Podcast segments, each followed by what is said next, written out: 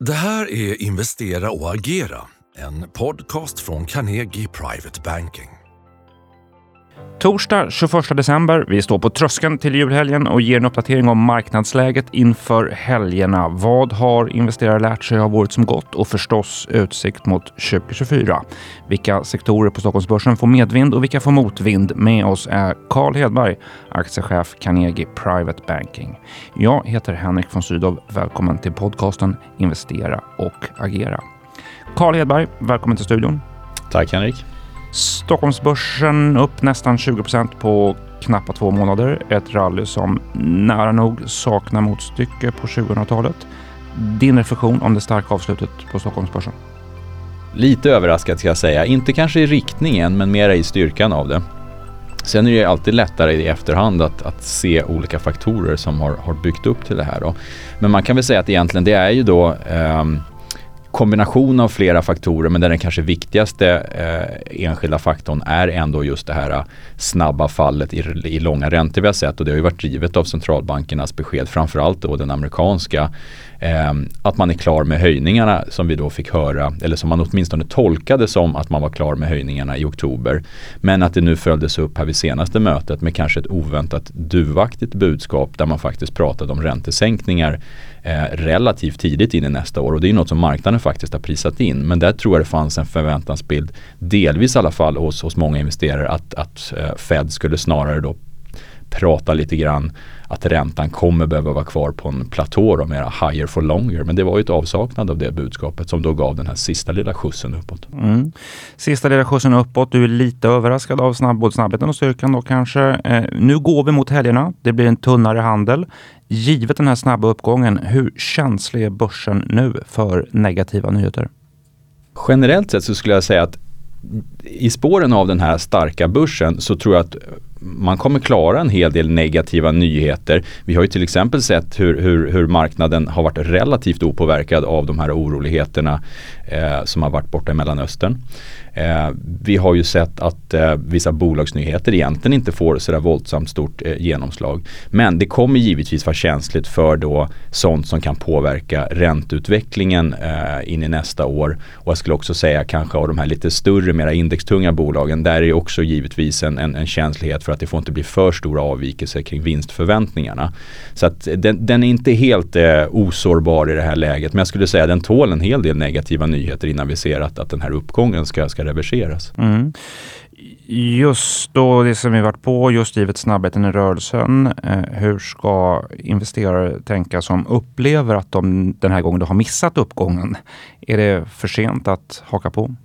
Nej, jag tror inte att det är för sent att haka på. Men som sagt, i det kortare perspektivet vore det väl fullt rimligt att vi såg någon form av rekyl, någon liten andhämtningspaus där vi faktiskt eh, får, får någon vecka av lite svagare börs.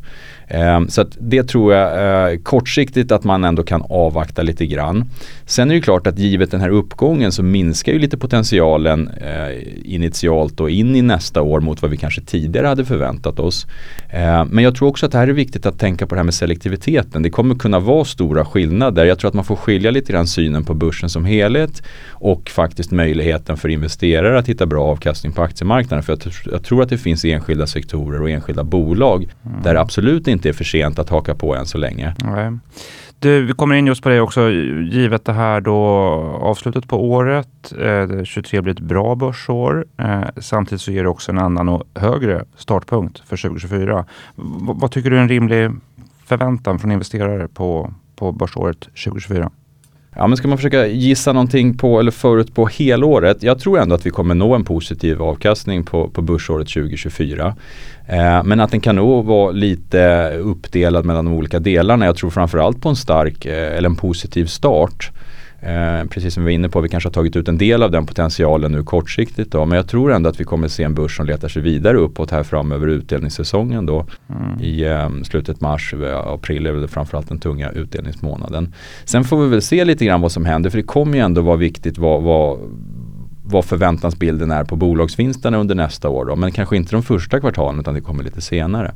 Så att eh, borde rimligtvis se en stark eh, eller en positiv till, till, relativt stark start på året. Kanske lite mer avvaktande sen senare under året. Men jag tror ändå att det kommer räcka till för att vi kan återigen då få, få en positiv avslutning på, på nästa år. Mm. Du, om vi bryter ner det här och resonerar om olika sektorer på temat då what's hot, what's not. Du pratade om selektivitet tidigare. Vilka sektorer ser du allra mest intressanta investeringsmöjligheter på marknaden 2024? Jag tror ju generellt sett så kommer det vara ett år där man kanske inte bara kan hålla sig till enskilda sektorer, vilka man ska undvika och vilka man ska köpa, utan det kommer vara viktigt att även gå in på, på bolagsnivå och titta på vad som är intressant. Men om man ändå ska börja lite sektorvis, jag tror ju till exempel att skogssektorn är en sektor som kommer ta igen ett väldigt svagt vinstår 2023. 2024 bör vara ett mer normaliserat vinstår, så det skulle jag tro är en sektor som helhet som faktiskt kommer utvecklas väl. Den har inte alls hängt med riktigt i den här börsuppgången vi har sett. Eh, jag tror till exempel också att den här eh, förväntade eh, räntenedgången kommer göra att konsumentbolagen kommer ha en, en bättre möjlighet att nå positiv avkastning under nästa år. Sen även där är det stora skillnader för jag tror inte att konsumenterna kommer kastas ut och, och handla varor precis eh, på samma sätt som tidigare. Jag tror att till exempel de här eh, lite mer industri eh, de konsumentorienterade industribolagen till exempel kommer kunna vara, vara vinnare. Medan de här bolagen som har gynnats under pandemin av att vi har gjort stora hemmaprojekt eller köpt mycket möbler och så vidare. Där tror jag fortfarande det kommer hänga kvar en osäkerhet mm. en bit in i nästa år. Skogen, konsumentbolagen, ytterligare någon sektor? Ja, men jag tror att det är svårt att, att peka på, på enskild sektor. Jag tror egentligen att bank kommer gynnas av, av ett försiktigt eh, fallande ränteläge. Även om det inte är positivt i sig i, vinst, eh, utdel, i vinsttillväxtperspektivet så tror jag ändå att det väger över i att vi kommer se en minskad oro för kreditförluster. Mm. Eh, man kommer se lite lättnad då för fastighetsbolagen som banken har stor exponering mot. Eh, och jag tror också att vi faktiskt kommer kunna se som tecken på att en bostadsmarknad vaknar till liv lite grann igen. Mm. Så att förhoppningar om en, en lånetillväxt kan komma komma tillbaka. Super. Vi pratar om det här också, stora skillnader mellan enskilda bolag och, och därmed också enskilda aktier. Alltså, vill du resonera om vinnande karaktäristik på bolagen eh, framåt här? Faktorer i bolagen som kommer vara särskilt viktiga för att aktien ska ta fart nästa år?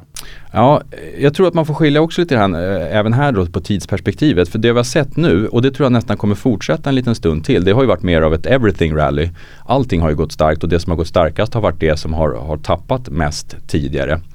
Eh, det kan nog fortsätta lite grann på det temat eh, ett litet tag till kortsiktigt.